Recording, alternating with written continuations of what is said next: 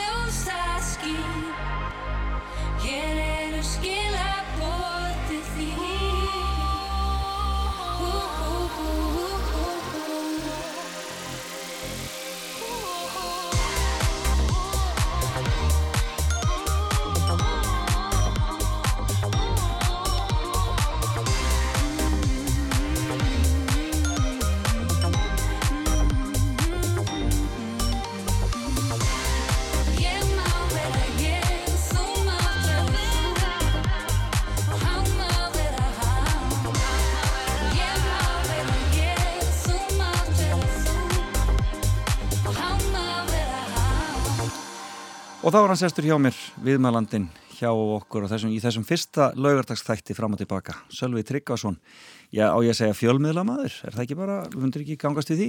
Jú, jú, ég gengst við því. Ritthöfundur eða, eða... Ég gengst við flestum tillum sem mér eru gefni. Já, akkurat. Þeir þurfa að vera mjög slæmir til ég afnætið. Allt, allt múli maður. já, eiginlega, það er svolítið svo leis. En nú er það ný, nýjasta, það er podcastarinn. Já, hlaðvarp maðurinn. Hvernig dast inn í það? Það var eiginlega bara eina af þessum hugmyndum sem kom einmitt þegar ég var í útlöndum. Ég fæ oft góðar hugmyndir þegar ég er í útlöndum. og hérna... Já. En þegar ég fekk hugmyndina þá var ég eiginlega hissa að ég hef ekki fengið hana löngu áður. Því ég hef verið mjög lengi að taka viðtöl.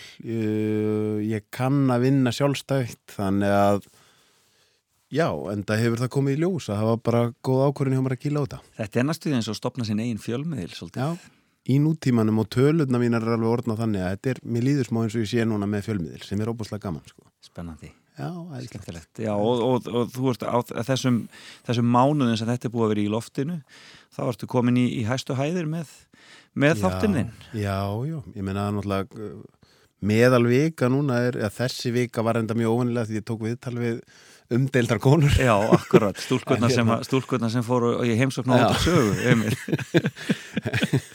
mikið stór mál. Já, en, akkurat, algjörlega. En hérna, það er svona 50 hefur verið svona 50.000 lustanir per viku Já, og, það er bara svo leiðis Já, já, og svo er það núna í þessari viku var að komið alveg upp í sko 70-80 Þetta er ótrúlegt. Já, þetta er mjög skemmtilegt sko, er, og ég góða við þetta er að ég er sjálfur búin að vera svo mikil neitandi að hlaðvörpum, mm -hmm. podcastum, -hmm. sérstaklega erlendum að þá skilum maður doldið miðlinn og þá hérna, vinnum maður út frá því að maður hugsa bara hvað hva myndi ég vilja sem hlustandi? Mm -hmm. og ég er bara óbúslega þakkláttu fyrir að það séu svona margi sem nennar hlusta á þetta. Já, Lung viðtöl og... Já, akkurat, já, ég menna en, en kannski að það er líka bara einmitt það sem að er að koma í ljós og sérstaklega yngra fólki að því að það er alltaf búið að leggja eitthvað áherslu á hluti verið að stuttur og snarpir og þetta, og svo er það bara kannski bara alls ekki þannig, bara ungt fólk veru ílluga og því og bara svona, þú veist, eitthvað sem er bara, er bara já, og er að segja sögu Íktasta dæmi var hérna þegar það var einhver, einmitt, einhver ungur einstaklingur sem sendið mér skilabúi, ég hefði nú viljað að þetta vera aðeins lengra og það var viðtal sem var tveir klukkutímar og kortir. þetta er alveg nýð viðmið. Akkurat, skemmtilegt. Heyrðu en, já við ræðum þetta kannski betur aðeins hérna eftir en já. þú veit með fimmu sem er, uh, já ég hef ekki fengið lengi, sem eru kvikmyndir. Já, já, hvað bara henda mér í kvikmyndir? Er, ertu mikill kvikmynda áhuga maður, bara alveg því? Og var það meira eða sem sagt ég var Já. alveg á tímabilið svona kvikmynda nörd sko hérna, þegar að filmundur var í háskóla bíó og sína alltaf gamla myndir og voru með svona þemadót og, og hérna Ertu, ertu kortafi í Bíóparadís?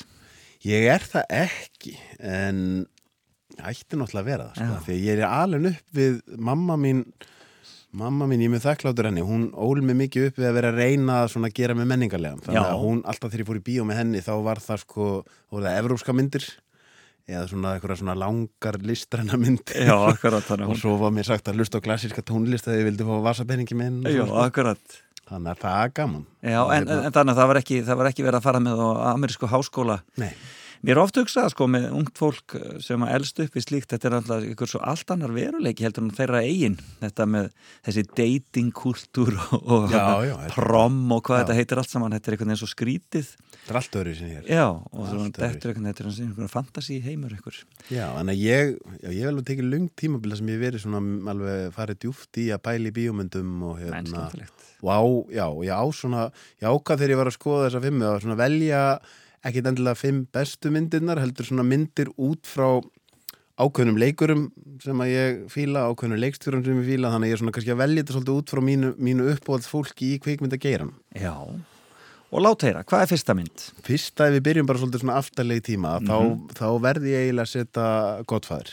Já, það er bara að fara í hérna, beinti. Ég varð fyrir miklum áhrifum að henn á sínum tíma og hérna, og fannst, fannst þar alla góðar, en þriðja þó klárlega síst Já. ég átt aldrei erfitt með að gera upp á milli nummer 1 og 2 Nei, en það er einhvern veginn þetta bæði, bæði óbúslega flottur söguþráður vel leikstýrt og síðan eru þarna þrýr leikarar sem að ég flokk alveg undir svona hluta mínum uppáhald sem eiga allir ákveðina leik sigra annarkort í 1 eða 2 það er Marlon Brando, Al Pacino og Robert De Niro. Þannig að þetta, þetta er svona þetta, já, þetta var hérna ég fór um þetta að skoða Marlon Brando eftir Godfather og fór, fór alveg aftur í bara On the Waterfront og þessar fyrstu myndir sem hann sem hann gerði þegar hann var bara svona aðal spaðin í Hollywood svaka myndalegur ungu maður og ekkert fann að fýtna og bara Nei, ja, hafði... svo var hann orðin hérna, í Apocalypse Now og þessum, þá var hann orðin vel sjúskað Rósalegur, sko, algjörlega rósalegur en, en frábæð leikari, engin spurning. Frábæð leikari.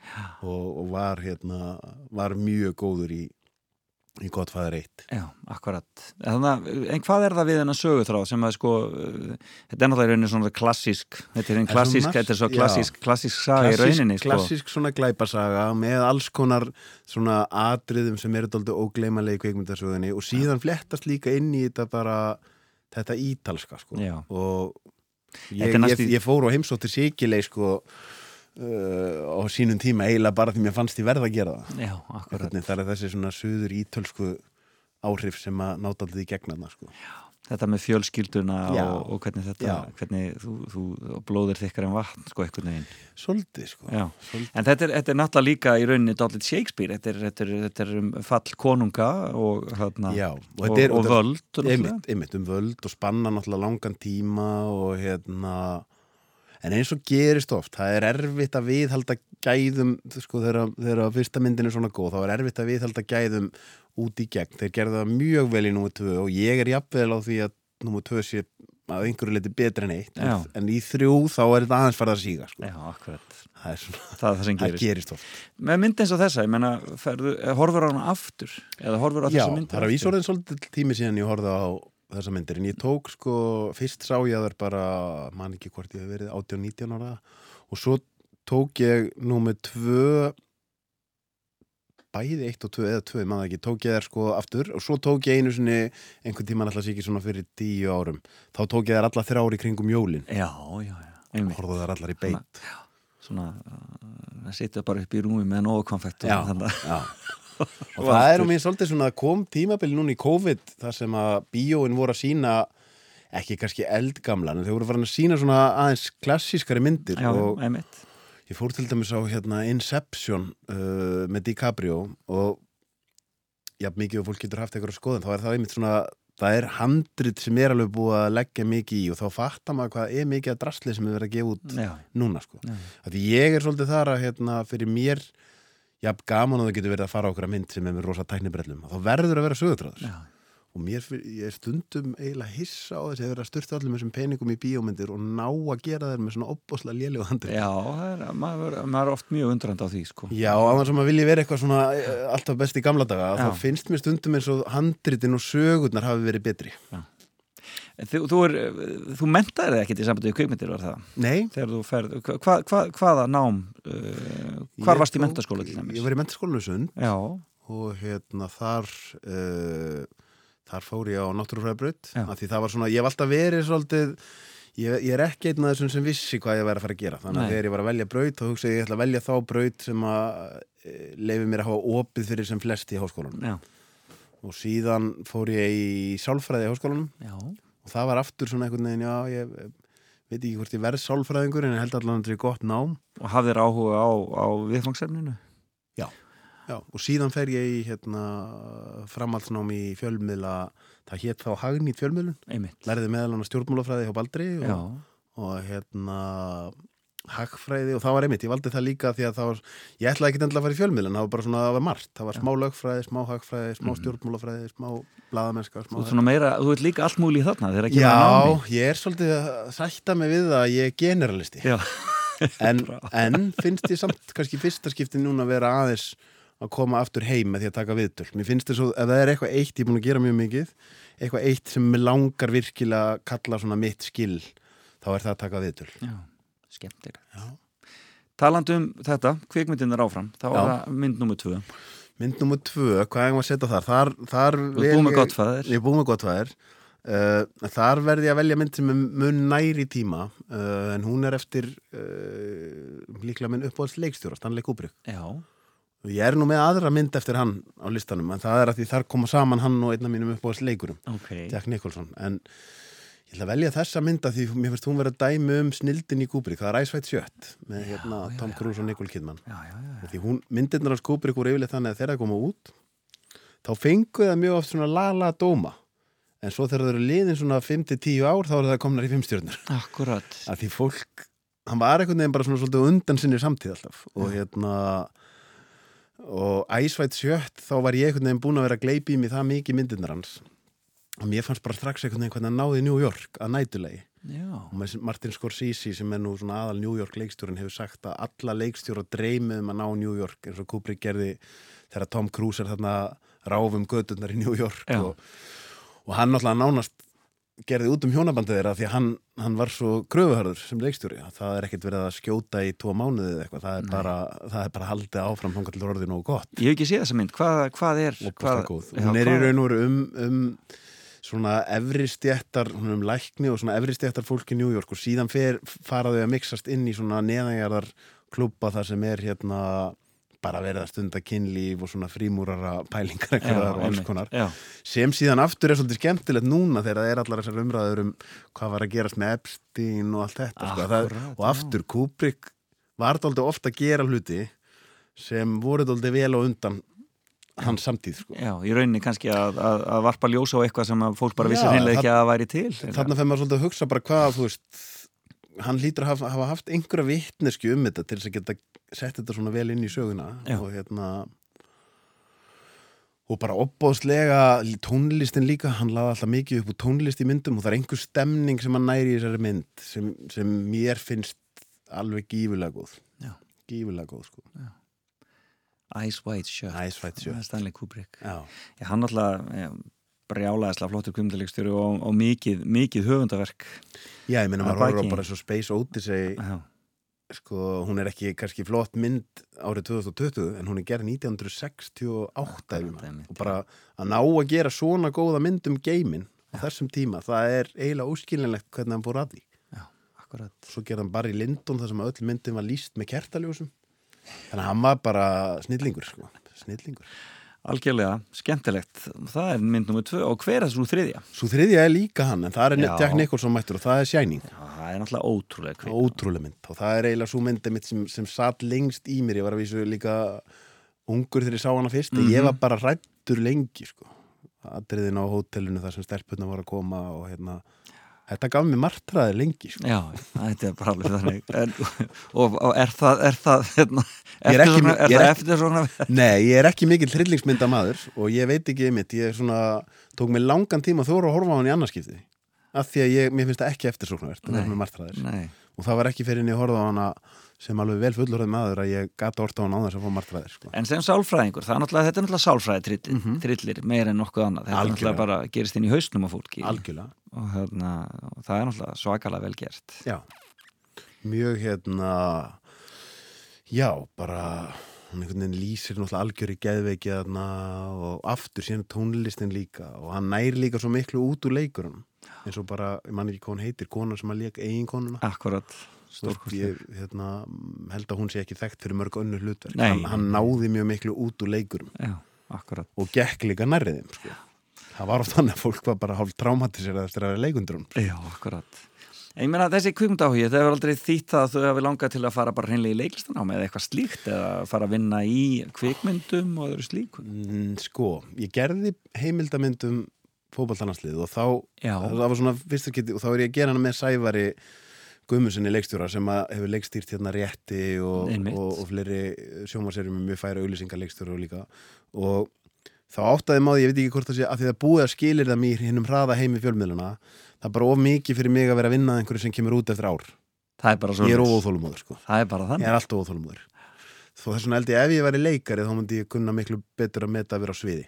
Já, Fá þetta beint í bara, en- Já, ég hef sagt að ef ég, hérna, ef ég væri að fara í háskólanám núna, þá myndi ég fara í leiklist. Já, 100% af því ég held að það sé, hérna, ég held að maður fá að kynnast svo mikið sjálf. Ég held að þú getur ekki annað en lært mikið á því námi sama hvort þú verður að vinna sem leikar eða ekki. já, já, akkurat Hefur þú verið í mikill sjálfsvinnu í gegnum tíðina? Bara, já, já, Og þú er Já, náttúrulega deilt í með fólki Já. oft og svo leiðis, Já. sko ég hef gert það og ég, hérna, skrifaði heila bók sem að byggði dálítið mikið á því. Já. Og, hérna, þannig að það er einmitt og það er svona eitt af því sem ég konstaði með mig er að það sem, og ég held að það sé dálítið algengt á Íslanda, við erum, uh, við erum dálítið bælt stundum. Já. og við erum að geima eitthvað ég hef talað við marga leikarum með mig þetta og farið kannski að leika eitthvað siðblindingja eða þú ferða, útrás fyrir skuggaliðina þína sko.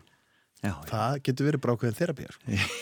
hleypis öll út og hérna, fá að öskra og nota líkamann og allt þetta sko. Akkurat, já, já En síðan getur reyndar ímyndum mér að hljóta að vera ríkala erfitt að vera leikúsleikari að því að vera að gera þetta bara mörgusnum í viku, þetta er ekkit grín sko. Nei, það getur verið tekið sjálfsagt mjög já, mikið á sko.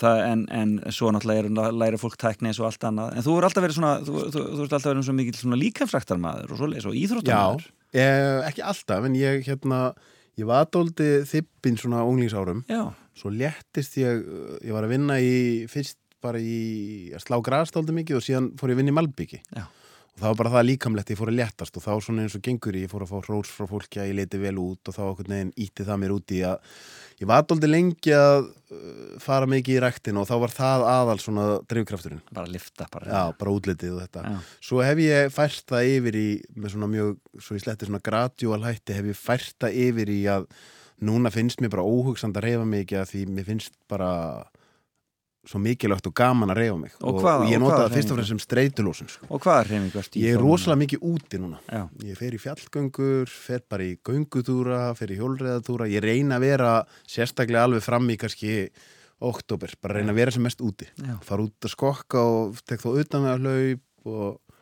alls konar svo leið sko. en síðan er ég bífi hliðin á laugum þannig að ég hopp alltaf annars leiðin í rektina sko. það er alltaf með, ég myndi segja ég gera það jafnaði kannski tveisar í viku. Það er slett, svona þess að rýfa í. Já, það er gott sko, síðan er það líka bara gott þegar maður svona gott upp og eldast vel að haldi í styrk sko, Já, að haldi í vöða svona heila allt sem bendir til þess að vöðvamassi byrjar að rýrna á ákveðnum tím og þá viltu vera búin að sapna smá í sarpin sko. Skemmtilegt. Hérna, skemmtilegt. Heyrðu við skulum taka okkur smá pásu, þú er búin með þrjár myndir af já, fimm. Já.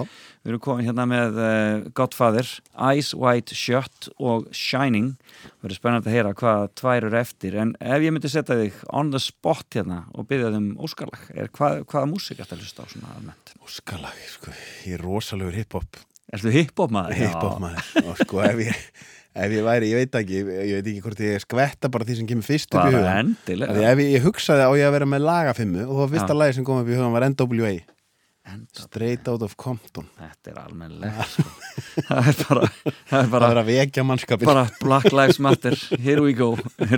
Tölum við áfram þetta smástund You are now about to witness the strength of street knowledge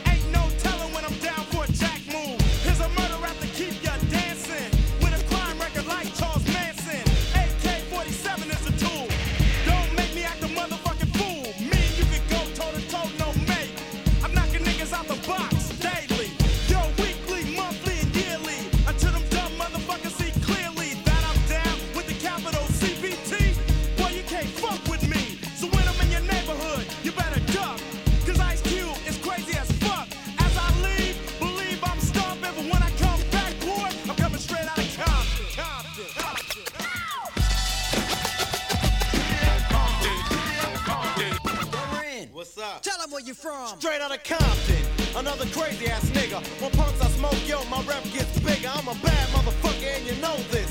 But the pussy ass niggas won't show this. But I don't give a fuck, I'ma make my snap.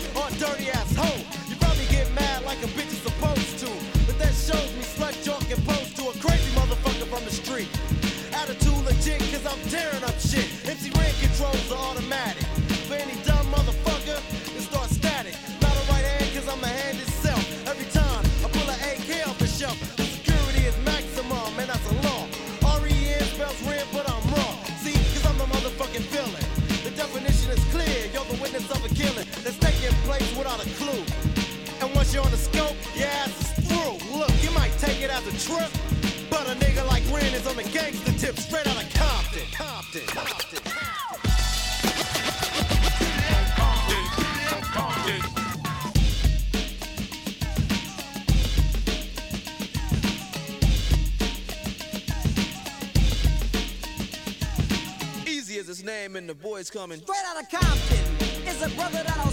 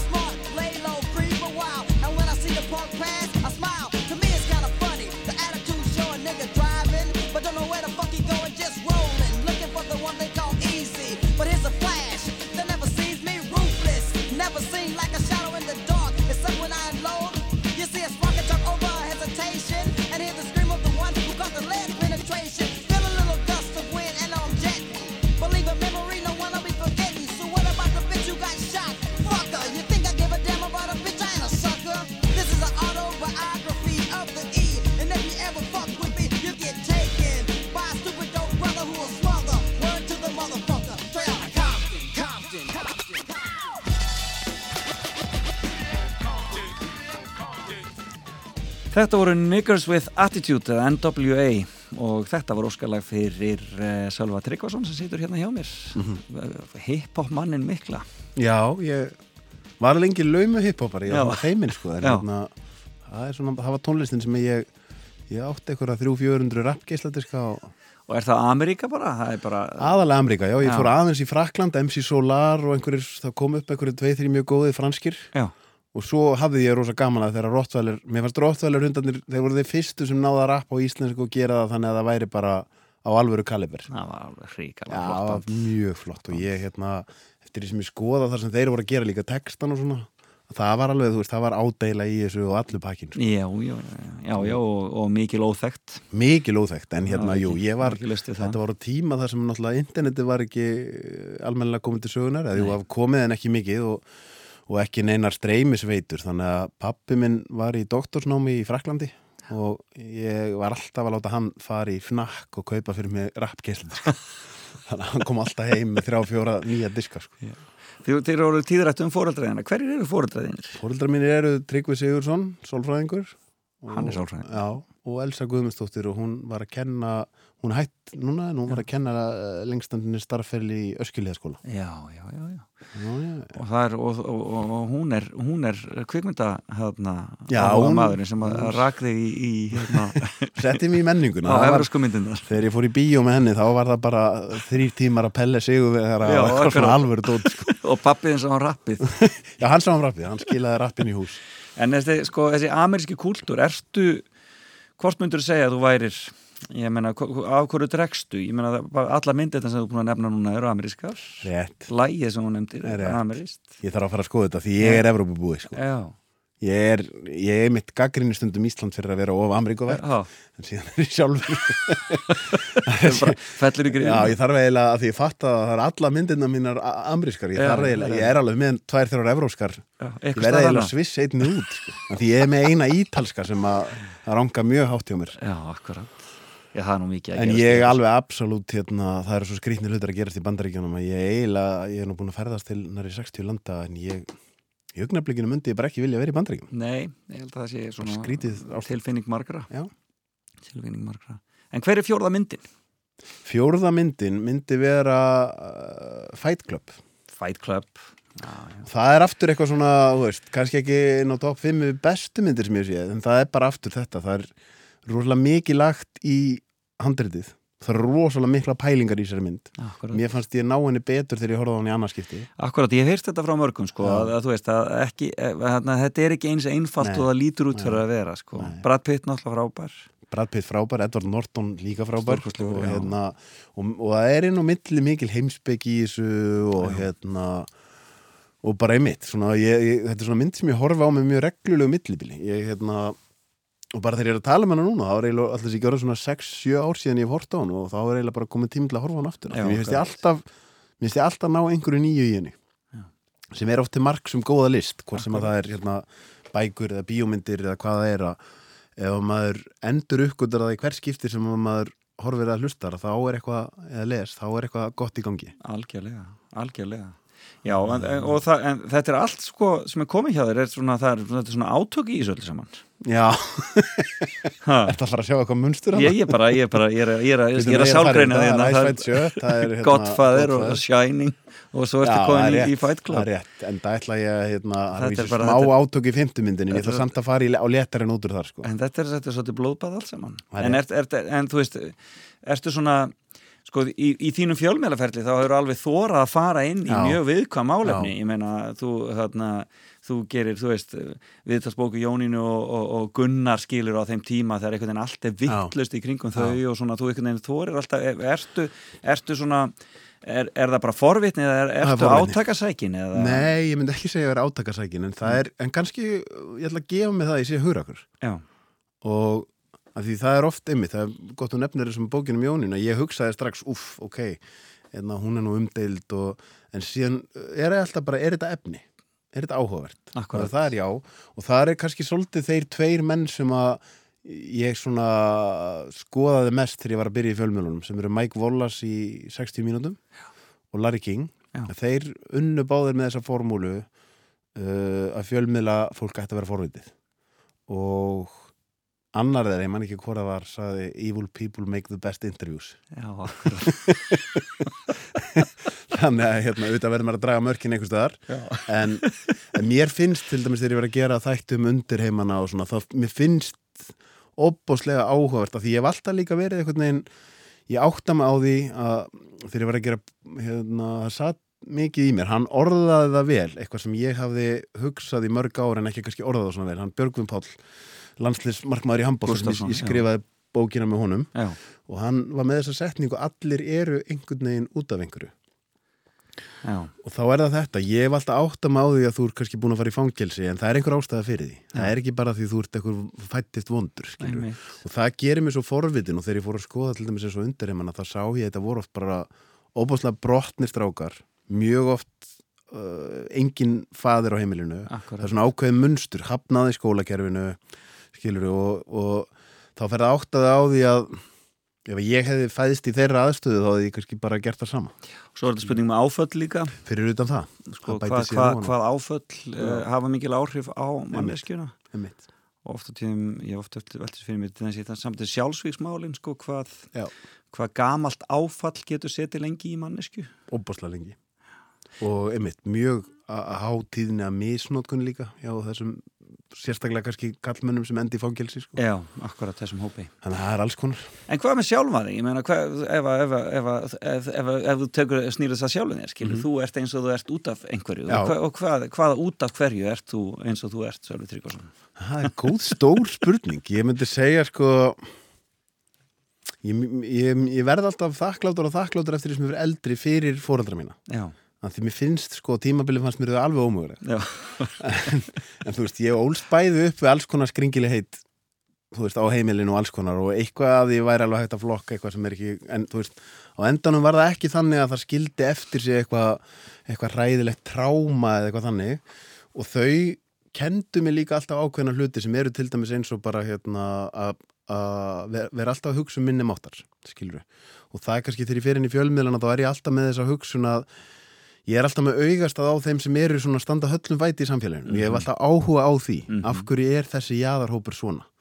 Þú veist, af hverju er hann alltaf hvort sem að það er fátækt fólk eða fólk í fangelsum eða þannig ég, hef alltaf verið einhvern veginn tilbúin til að og ég yktast að var kannski þegar ég var í Los Angeles fyrir 2-3 árum og þá hérna, ég hef gert þetta líka hér á, á aðfangadag, ég hef stundum sko, því ég er ekki kannski með hefbundi jólahalda að við borðum aðeins setna, við borðum ekki klukkan 6 og þá hef ég stundum gert mér að leika vera að keirum bæinn klukkan 6 að því mér langar að skoða hvaða fólk er það sem er út á götu klukkan 6 hverjir eru það sem og, og þá sér þess að jaðarhópa sko. já, þú veist, að vísu breytist það svolítið þegar túrismin var orðið svona mikill, Já. það var bara fullt af fólki að, útlendingum skilur lappa með töskunar Já, að leita að En í LA var ég, uh, ég var þar þegar Thanksgiving var, sem er svona þeirra stærsti dagur, þegar bara allir, og þá er ég þarna, og ég er alltaf í þennu orðin að smá jaðarhópi, ég er þarna og ég er með íbúð þarna, en ég er ekki minn en að fjölskyldu, Nei, og mér var þessu bóðið í einhver eitt eða tvö matabóð hjá einhverjum, einhverjum þannig að ég fer á skittró sko bara á versta staðin í Los Angeles á Thanksgiving kvöldi til þess að skoða ógæfufólkið sko. Já. og það áhugaverða við það að ég var ekki hrættur fyrir henni í svo lauruglubíl keira framhjá. Þá var ég hrættur við lögguna sko. Ég var ekki hrættur við eitilífa neytendurna eða fólki sem ég sá hana mér er bara svo áhugavert á sama tím og allir svona langflestir eru heima með fjölskyldunum að fagna þá er þessi veruleik í gangi líka. Já.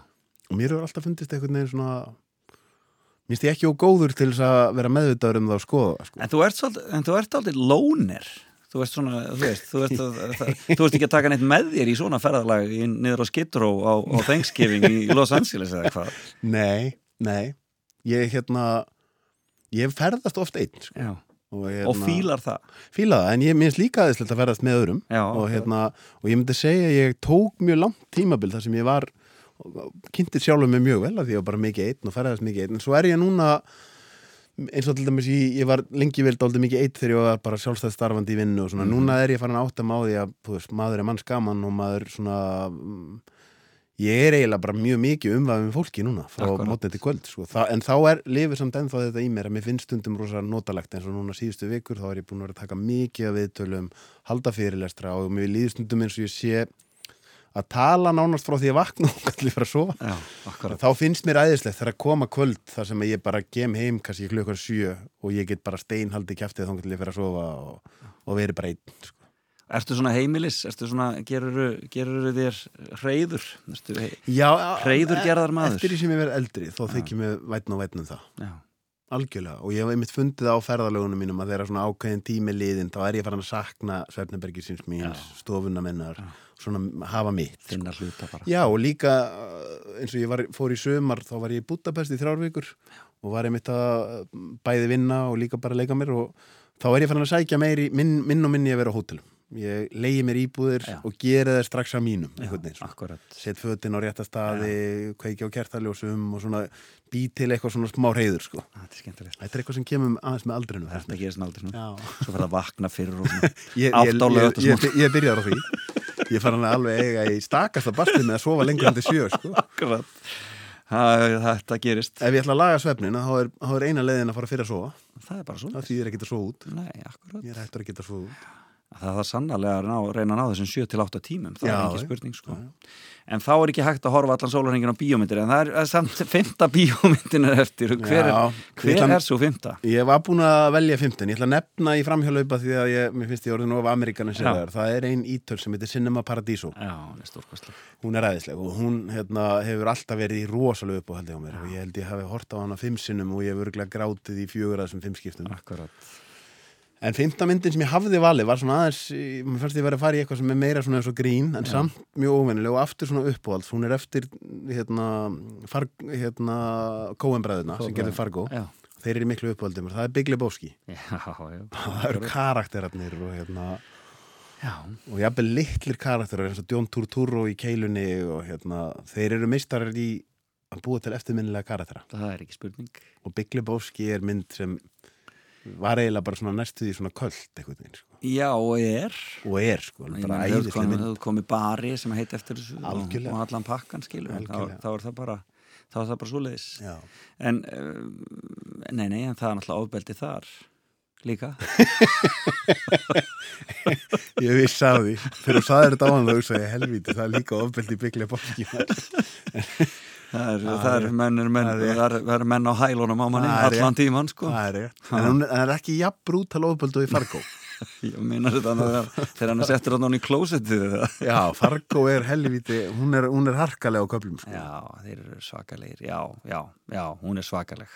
En þeir, þeir er mitt hérna að kom, þegar við vorum gaman ef eitthvað bíó myndi fara að gera þetta, þegar filmundur var í háskóla bíó, þá tóku þeir Coen, síndu alla myndina þeirra. Akkurat og þá fór ég á þær allar í bíó einmitt. Það var ræðislega. Þetta var svolítið á listaháttíðin í gamla daga. Það voru, hann, það voru allur al- almótavar síndur eða, eða eitthvað slíkt. Einmitt, og manni finnst núna því að bíósalinir eru þarna, það er ekki verið að framleiða mikið að nýjum myndum að þá mætti endilega nota það undir svona klassíkara sko. Algjörlega. Riff framöndan, ætlar að fara? Já, ég reikna fastlega með því sko. og það er hérna, ég er mögulega að fara að taka uh, einn í viðtal líka, það er hérna myndum fríköfun sem ég, ég hef búin að fá hérna, bæði Maríu Byrtu og Kristínu sig vinkonu mínar í viðtöl Já, já. til mín og þær eru báðar svo mikið í fríköfun Já, já, já. og hérna og er kvikmynd á, á riff um, um, um köfun? Já, um fríkóðum sem er sé- áhugavert fyrirbæri. Já, en skemmtilegt. Þannig að þú, það er, þú ert ekkit endilega alltaf bara í dramana þú fer líka á heimildamyndirnar og svo leiðis Já, ég er mjög gaman að heimildamöndum Já. óbúslega gaman að heimildamöndum og ég mitt líka var að tala um það við einhvern í, hvort það var ekki Ingo Veðugu þegar ég var með hann í viðtali hérna, þá voru að ræðum svona tónlistar tengdar bíómyndir eins og, eins og hérna Walk the Line og allar þessar og þá var ég með það pæli akkur að vera ekki búið að gera Hollywood blockbuster alvöru um Elvis. En hún er á leiðinu næsta ári 2021, það er á leiðinu alvöru, bara svona stór Hollywood mynd um Elvis Presley sko. Já, það er hægt að, er að búa til svo mikið sagfræðilegt, það er hægt að búa til svo rosalega sögu úr ferlinum hans, sko. Já, já, maður vonar að þeir að menn þóri að fara alla leið í því þá það er erfitt að skila því sko. af því þetta er hérna, það þarf náttúrulega bara hver allar að, það er einn, af þessum ungu leikurum sem leikur Elvis og það er alvöru það er alvöru áskorun sko. Já, það er sko alveg áskur Já, Heyrðu, þetta er bara, er bara hlaupur okkur tímin eins og alltaf þegar maður er að tala um eitthvað skemmtilegt nákvæmlega eh, Ég veit að Pálmi Gunnarsson er að koma til þín eða var hjá Já. þér í, í, í, hérna, Já, í podcasti Hver var hjá þér á að- Jú, ég senda verð frá hjá mánudaginn? núna á mánudaginn verð ég með engan annan en Bubba Já, Bubbi. Það var hjá mér í gær Ég rætti með Heilmart. Skemmtilegt Já. Það duða nú alla tveir tímar í hans sko Mm, eiginlega ekki, sko. Við vorum samt cirka tvo tímar. Cirka tvo, sko. Það ringir einhver unglingurinn og segir að þetta sé óstutt. Óstutt, Það já, er bara þannig. Þeir eru strákarnir sem er að vinna þetta með mér, þeir eru svona podcast fíklar og þeir alveg, þeir vilja helst þetta fara upp í þrjá fjóra tíma. Það er svo leis En en það verður spennandi, við hlustum að bubba hjá þér á mándaginn en við skulum heyra Pálma hér í lokin. Eitt, eitt gamalt og gott. Kæra þakkir fyrir spjallið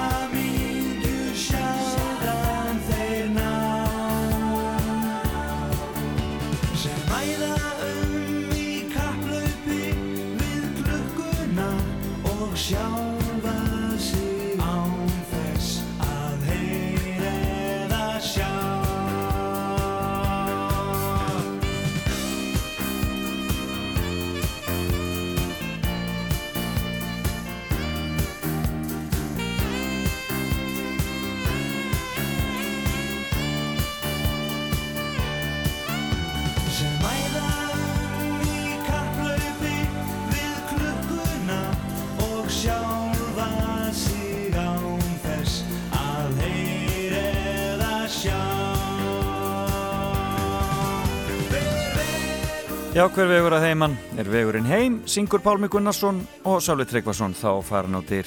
Og uh, það var gaman að hitta hann og eiga við hann þetta uh, skemmtilega spjall, fimm annans, fimm kvikmyndir. Godfather, Ice White Shut, Shining, Fight Club og Big Lebowski. Og svo kom hann að sína með Paradís og aðeins við sögu líka. Takk fyrir þetta Sölvi. Beint úr efstaleitinu í Reykjavík. Fram og tilbaka á Rástfö. Já, sannlega beint tíðan úr efstaleitinu og eins og það segði Sölvi farin og uh, gaman að heyri í honum. Fimm kvikmyndir, skemmtileg fimma þarna og langt sem við fengið svoleiðis fimmu hér en ég held þessum fimmu leitum mínum le, þessari fimmu leit minni áfram og uh, við fáum eitthvað skemmtilegan hér aftur í næstu viku. Um, en uh, Eh, hér eftir nýju þá ætlum ég að ringi hérna Æsu Sigur Jónsdóttur hún er eh, dósend í listfræði við Háskóla Íslands en jáfnframt síningastjóri og er síningastjóra nýri síningu sem er verið að opna í eh, ljósmyndasamni Reykjavíkur heitir Fjarski og Nánt og svo ætlum við að fara í fréttageturinn hér á eftir.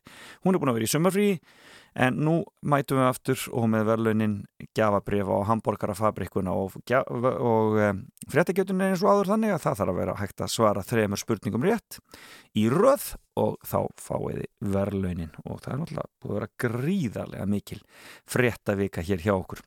En við skulum fá tilkynningalestur hér eh, á Rástvö og um, svo að fyrir að líða að nýju fréttum og eftir það höldum við áfram í þessum þætti á lögadegi fram og tilbaka Rástfö. Fyrst og fremst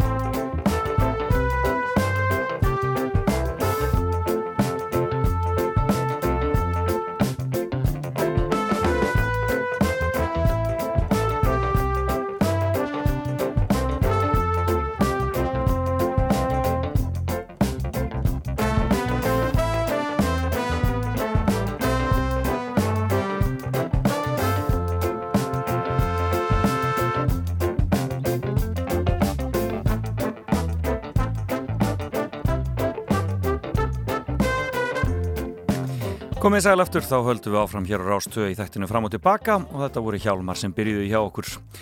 Eh, lag frá þeim sem heitir Segðu já, þeir eru alveg ótrúlega fundvísir á smellana, þessi frábæra hljómsveit.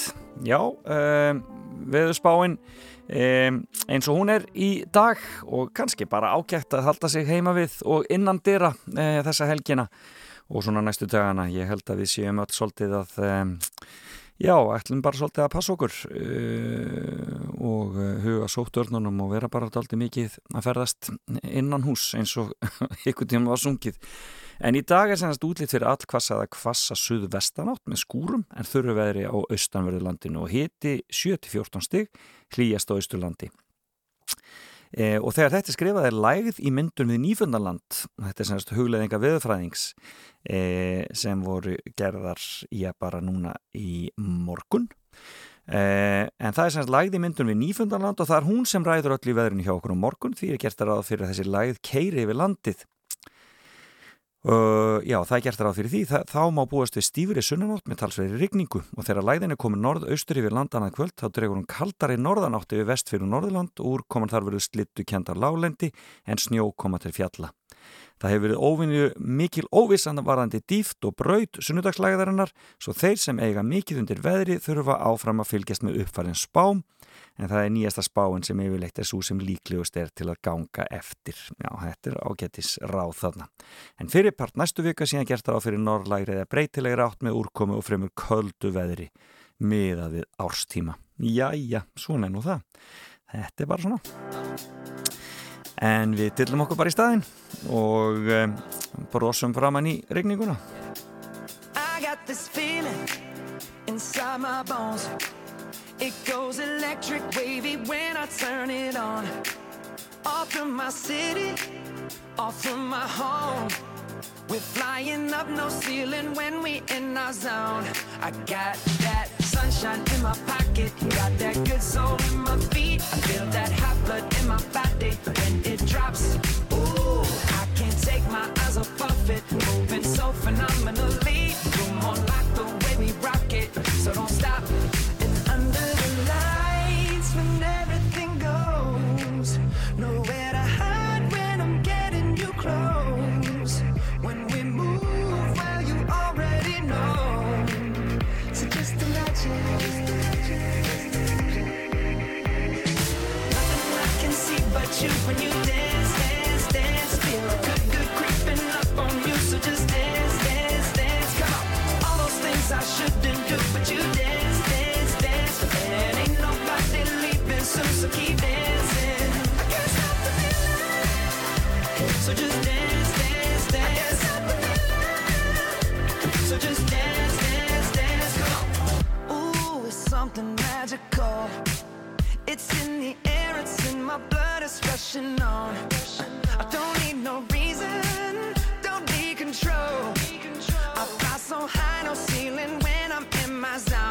Cause I got that sunshine in my pocket, got that good soul in my feet.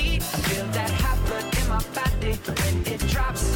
Ooh, I can't take my eyes off of it, moving so phenomenally. You're more like the way we rock it, so don't stop, stop,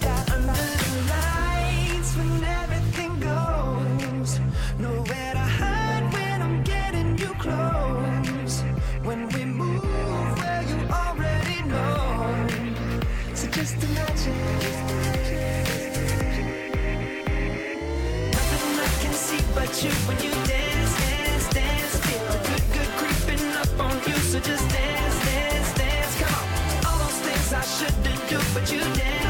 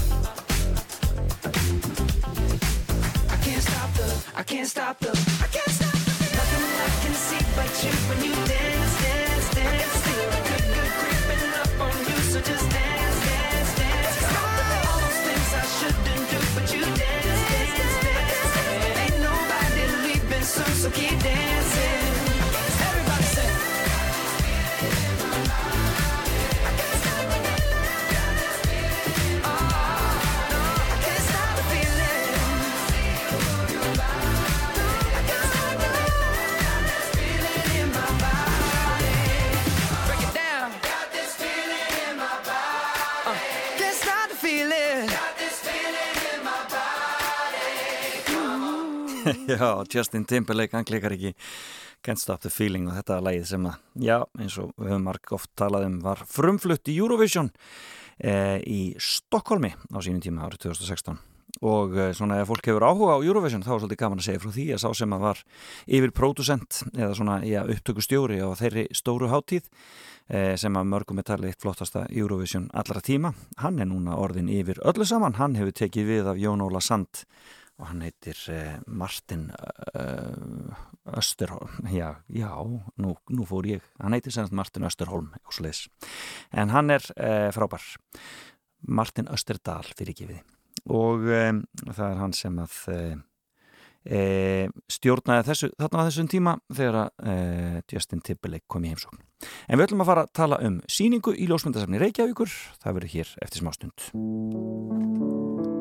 Kúrðu bara áfram og hlustaðu á fram og tilbaka á Rás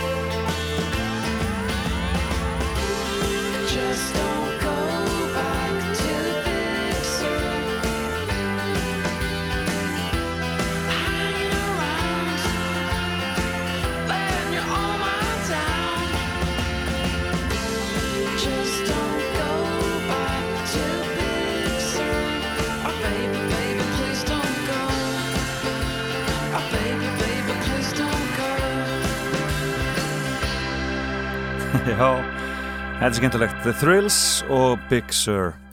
Og uh, þetta mun vera írsk hljómsveit The Thrills uh, voru þarna uh, aðal bandið þarna í já, byrjun byrjun aldarinnar. En uh, við erum konið í samband við hana Æsu Sigurjónsdóttur sem er síningastjóra nýri síningu sem að uh, hefur opnað í uh, ljósmyndasafni uh, Reykjavíkur í borgarsögursafninu heitir Fjarski og Nánd og mm, ég segi bara góðan og blessuðan daginn Æsa Sigurjónsdóttir Já, góðan daginn. Komdu sæl og blessuð Þessar. e, Þessi síning sem að þið voruð að opna eh, hún hljómar mjög spennandi hvað, hvað, eh, þetta er Íslands samtíma ljósmyndun sem er hann undir eða hvað Já, það er verið að beina sjónum svona fyrirbærinu, þessu fyrirbæri samtíma ljósmyndun En uh, Íslensk samtíma ljósmyndun, hún hefur á endaföldum áratugum orðin svona sífælt sínilegri innan listrímsins. Já, En uh, þess uh, má nú geta að það getur verið fyrir svona hinn almenna áhorfanda, getur verið svolítið erfitt að átta sig á því hvernig uh, uh, já, samtíma ljósmyndun, uh, hvernig hún er einhvern veginn öðruvísi eða hvað skilgrinir hana uh, frá uh, þessari almennu ljósmyndun sem að við náttúrulega erum að sjá bara daglega og nota daglega í öllum okkar samskiptum. einmitt.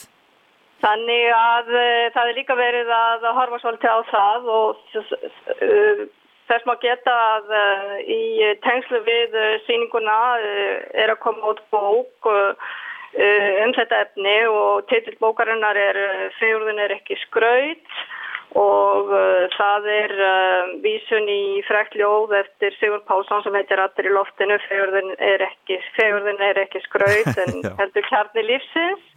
Og uh, í, í þessari bók er uh, greinar eftir átta fræðumenn sem að einmitt er að fjalla um þetta fyrirbæri íslensk samtíma ljósmyndun þannig að bókin og sýningin svona styðja, styðja hver aðra. Já, en skemmtilega, Sigurður var náttúrulega algjör sérfræðingur í að, að segja hlutina að, með, með, á kjarnirtan máta. Akkurat. Eh, En, en eh, já, það semst í raunin, þetta er í raunin ekki, ekki, þetta er ekki blaðaljósmyndun, þetta er ekki það sem við erum að sjá á, í blöðunum á hverjum degi eða svoleiðis, þessar, þessar ljósmyndir, eða hvað? Nei, þetta er í rauninni svo ljósmyndun sem að fer inn í listrýmið og uh, þetta eru listamenn og ljósmyndarar sem eru í stuttumáli að uh, nýta ljósmyndana ekki engangu sem skráningatæki, heldur eru þeir að fjalla um miðlinn sjálfan í verkum sína. Já, ég skil. Og þá erum við náttúrulega kannski komin inn í svona ákveðna orðræðu sem að eh, tengist í hvað er samtíma og hvað er tími og hvernig getum við greint þetta erfiða, erfiða hugtak tími sem við erum alltaf að fóst við. Já. Þetta er sérstaklega ástand sem að kannski byrtist í þessum svona ólíku tengslum eh, sem við höfum við okkar eigin tíma. Já, Við erum ímist að lifa í, í okkar eigin, eigin tíma sem sagt í, í augnabliki dagsins í dag eða við erum líka að hugsa um tíman í, í, í fjarlag bæði sem sagt í það sem er búið að gerast og það sem er eftir að gerast. Já, akkurat. Þetta, verður, þetta er spennandi og e, sýningin er orðin, e, sýningin er opnuð eða hvað, þið eru búin að opna, er náttúrulega, máttu ekki vera með opnun á þessum tíma? Nei, við erum ekki með opnun, já, Nei. sýningin er sem sagt, uh, já, hún er að opna núna um helgina og, uh, og uh, hún er náttúrulega um leið ákveðin yfirleitt sýning yfir helstu ströyma í samtíma ljósmyndun á Íslandi undanfallna tvo ára og tíu vegna þess að, að ég er að draga fram þarna myndir uh, frá þessu tímabili og uh, elst myndirnar eru frá uh, 1998 og nýjasta verkið er frá 2019. Einmitt. Nú, það eru 16 uh, listamenn sem eiga myndir á síningunni en auk þess þá eru dregin fram og sínd fjöldin allir af ljósmyndabókverkum eftir marga fleiri Já, já, en það hefur mikið verið gefið út af slíkum, slíkum bókum á undanförnum árum skemmtilegt. og, og sem er vilja náttúrulega halda því fram að, að ljósmyndir hún komi betur fram í bók heldur en á vegg. Já, býtu, okkur er það? Okkur ætti það að vera þannig? Já, ljósmyndin er náttúrulega þetta fyrirbæri sem að flæðir allt í á milli sko allra, eh, allra miðla. Við erum, eh, núna erum við yfirleitt að horfa á myndina á skjá, ekki satt, við erum að horfa myndir á símanum okkar. Einmitt. En uh, ekkit endilega upp á vegg og hvað gerist þegar myndin er sett upp í ramma upp á vegg, það, það gerir hana meira hlut, ekki satt, og þá Já. erum við að horfa á svona ákveðin hlut. Já, Þannig hver... að þetta eru svona hlutir sem, eða, þetta eru svona atrið sem við erum að, að eða sem ég er að benda á í síningunum og það sem að líka uh, ljósmyndarinn eru að, að, að, að vinna með. Spennandi. Og þetta er sem sagt í uh, þarna ljósmyndasamni Reykjavíkur sem er þá bara í borgarbókasamninu niður í, í, í grófarhúsi eða hvað? Þetta er á ljósmyndarsafn Reykjavíkur er á, er á sjöttu hæð Já, fyrir einmitt. ofan borgarbókasamni, akkurat, og sjöttu hæðinu Já. þar. Þannig að bara um að gera hveti fólk. Hva, hvern, hvernig er opið? Er opið bara, uh, er opið á daginn? Já, ég held að sjópjóður bara til sko 5 á daginn. Já, til klukkan 5. Þannig að ég bara hvet fólk til að fara. En ég sá þegar ég var að, að, að skoða, uh, að, að, googla því á netun að þú ert um, dósend í listfræði við Háskóli Íslands. Já, það passar. Eh, eru margir að læra listfræði? Eh, já, það er alltaf með mjög stórum hóp fólk sem er að læra listfræði og hún hefur nú farið svona fjölgandi og, og, og það er bara mjög ánægilegt og, og við erum alltaf fjallið um uh, sko listfræði í stóri samhengi þar að segja að við erum líka að tala um sjónmenningu, ljósmyndir, uh, arkitektur, eh, uh, sögubyggingarlistar og margt fleira. Já, spennandi, spennandi nám sem sagt. Já, ég verða fullir af það. Já, já, ég tek bara þitt. Ég, tek, ég, ég, ég trúi þér. Herðan æsa, það var gaman að heyri í þér og uh, þarna gangi ykkur vel með þessa síningu og ég bara hvet fólk til að kíkja í ljósmyndasafrækja ykkur. Kæra þakki fyrir spjallið. Já, takk fyrir. Takk fyrir, bless, bless. Bless. Já, og ég minni líka á bókina sem að fylgir þessu öllu saman ótrúlega spennandi. Minnstakosti þetta sem kemur með fréttatilkynningunni. Ég hveti ykkur til að kíkja á íslenska samtíma ljósmyndun fjarski og námt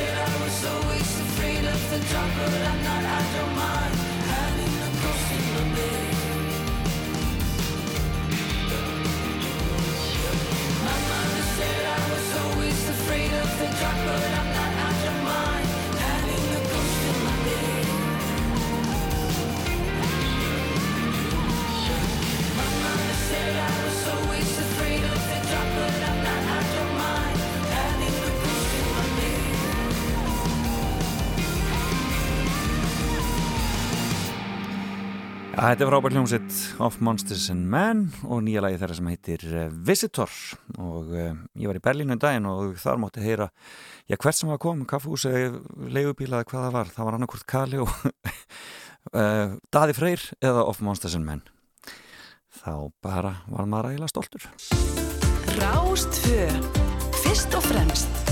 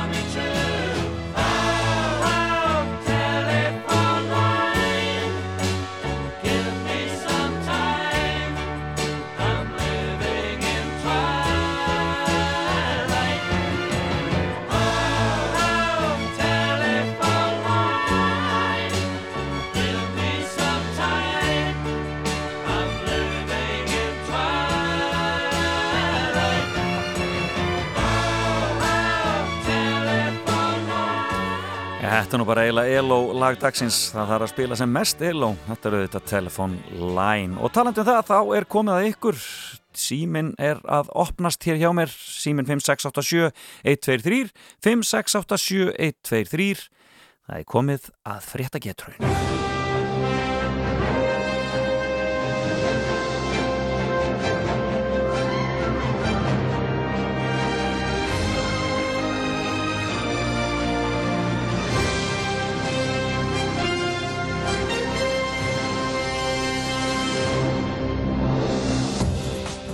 Já, þetta er búin að vera mikil frétta vika eins og kannski sást hjá Gísla Marteini í gerðkvöldi og, og e, þannig að það er um margt að spyrja hér. En eins og venilega í fréttageturinni sem að Átni Freyr Magnússon gerir fyrir mig e, þarf að svara þremur spurningum rétt og þá eru verðlaunin þín. Og e, verðlaunin í dag eru hambúrgarar og hambúrgarfabrikunni Korki meirinn í minna, gjafabrið þar. Alla línur farnar að loga og þetta er spennandi Ég ætla að byrja hér eftir sumafrí. Góðan daginn. Góðan dag. Góðan dag. Hvaðan ringir þú? Ég ringi úr Breiðholtinu. Úr Breiðholtinu. Hvernig, hvernig viðrar á okkur þarna upp frá núna? Það er auðvitað bara nokkuð vel. Já, já, gott að heyra. Gott að heyra. Heyrðu, þú fylgist vel með fréttonum? Jú, held að. Já, já, þá allir ég að spyrja þig hérna. Í vikunni komst heimaræktað grænmeti í fréttinnar því að þegar á hólminu var komið reyndist þetta grænmeti vera eitrað. En hvers konar grænmeti var þetta eiginlega? Já, nú er stórt fyrst. Já, Ég verði að gefa þetta frá mér. þú verður að gefa þetta frá þér. Já. Þetta var heilmikið frétt, já, já, að það var leitt En takk fyrir að ringja, þú reynir bara aftur Já, Takk fyrir, já, bless, bless Já, nei, það gekk ekki hjá honum Við skulum sjá hvort að einhver er með græmitið hérna Góðan daginn Nei, ekki þessi En þessi, góðan dag Já, góðan daginn. Veist þú hvernig grænmitt þetta var? Þetta var kúrbítur. þetta var kúrbítur Já. Þetta er svona, það er, það er maður verður að fara varlega Já, ég var aldrei hert þetta. Nei, aldrei aður, þetta er alveg ótrúlegt bara heimarækta, svona getur þetta verið en það er með skusti, þú ert góða með eitt rétt hvaðan er þetta að ringja? Herru, ég ringi frá Þórsöfn. Það já, hvernig, hvernig er verið hjá ykkur það, svona skást hjá ykkur á landinu í Herru, já, það er eða bara farlegt að líta út, sko. Já, einmitt Það er bara tólstu hitti með þess Ég er svona átt að vera, þannig að Já, það er bara að all, allir úr og ofan, hlaupa Þetta er út lokn úr undan stormum. Já, ég held að sé svolítið þannig Já, það er eins og það er Heyrðu, en við skulum fá næstu spurningu fyrir þig Já. Í eh, vikunni var tilkynnt að tveir íslenski réttöfendar væri tilnefndi til frönsku bókmæntavelununa, hvorki meirinni minna. Og nú byrðið þið bara að nefna annan þeirra. Þetta voru tveir íslenski réttöfendar. Ég... Ég manna ekki. Þú manst þetta ekki. Mm, Já, þú skýtur að gera í Kristníu. Já. Það er mjög vel skotið en því miður það er ekki rétt. Nei, já, já, en það takk, takk kærlega fyrir að ringja. Byrðum að helsa uh, Já. austur, bless, bless. Já, bless. Já, nei, það var ekki þannig. Við skulum heyra næsta. Góðan daginn. Góðan dag. Góðan dag. Sæl og blessu. Veist þú annað nafnið á þessum íslensku rítöfundum? Ragnar Jónsson. Nei, Ragnar, Ragnar Jónasson. Nei, það var ekki hann Ragnar. Hann er nú að gera það gott, en það var ekki hann. Takk fyrir að ringja. Ok, takk. Bless, bless. Nei, Ragnar var að, það var verið að skrifa undir kvikmyndasamning fyrir bókina hans í vikunni. Býtu þessi vita. Góðan daginn. Nei, veit það ekki. Veit þessi það, góðan dag. Góðan daginn. Góðan daginn. Veist þú hvo, annað nafnið á þessum rítöfundum sem eru tilnefndir? Uh, ég ætla að skjóta Arnald. Nei, ekki var það Arnaldur Indriðarsson. En takk fyrir að ringja. Takk. Nei, það var ekki Arnaldur. Skum hérna stað. Góðan daginn. Getur þú nefnt þessa rítumynda? Ég segi bara Einar Kárásson.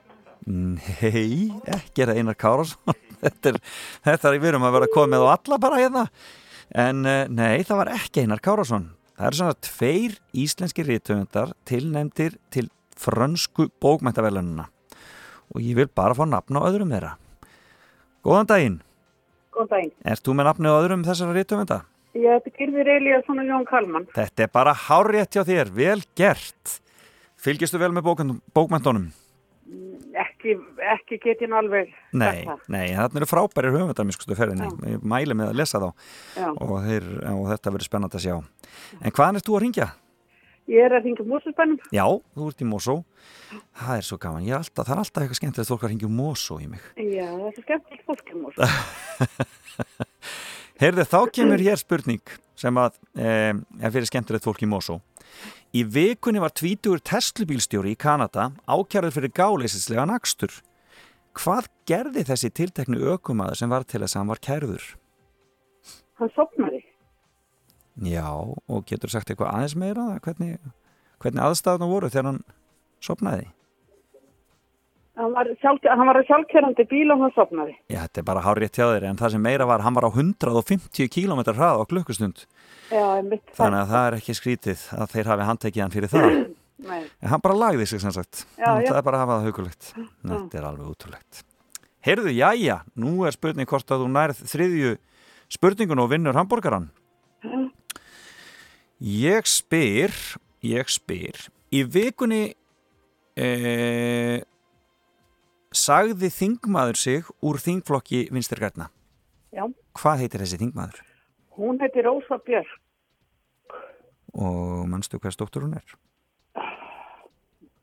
Brynjarsdóttir. Það er bara hárétt hjá þér, vel gert. Þú tókst þetta, glæsilegt. Hvað heiti konan? Ég heiti Erna Björk. Erna Björg og hvað stóttir? Baldursdóttir. Erna Björg Baldursdóttir í Mosó.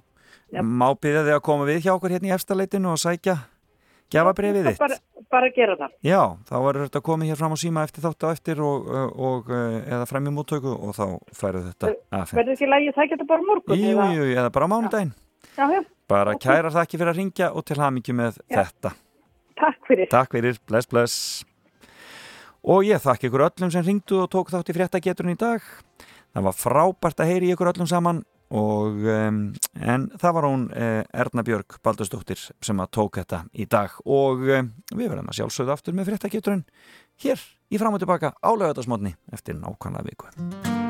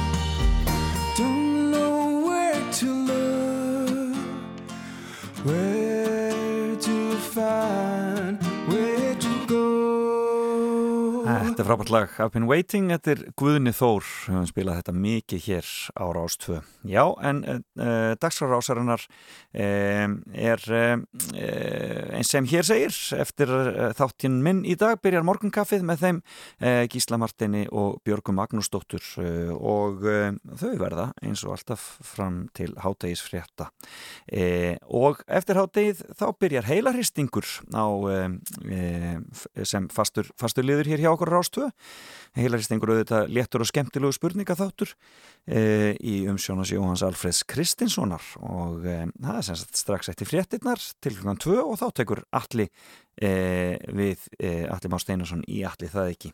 Vinsallalistin síðan á sínum stað og svo eftir sjóhansfréttinnar í kvöld þá er það lögataskvöld með matta. Og það er Kristín Sofía Jónsdóttir sem að verður gestur hans í kvöld En þessi þáttur var áður á dagskrá árið 2014, eh, eh 2015 eða þá á því ára byli og eh, mm, umröðlega gaman að heyri Kristínu Sofíu hvað hún hafði að segja þá. Og eh, en það verður semst eh, klukka eh, í kvöld. Þannig að það er bara frábært dagskrá. Verið áfram með okkur hér á Rástöfu fá Janelle Monet næst. The table about to turn. The table about to turn. The table about to turn.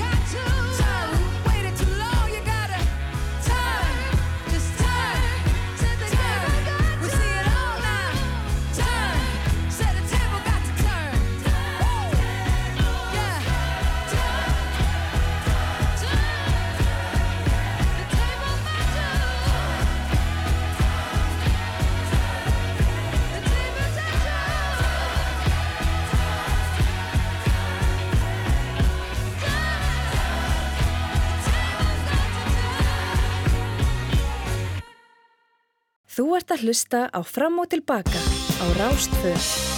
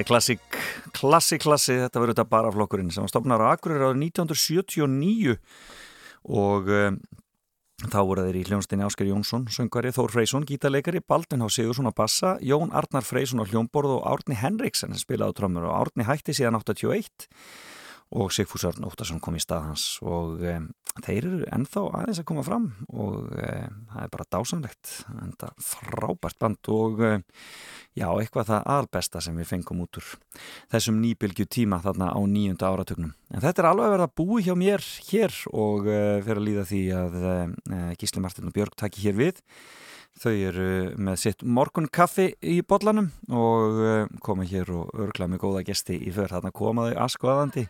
Bara eins og að segja, þegar þetta kemur góður þá getið þér. Oft kemur góður þá getið þér. Fáum smá káká.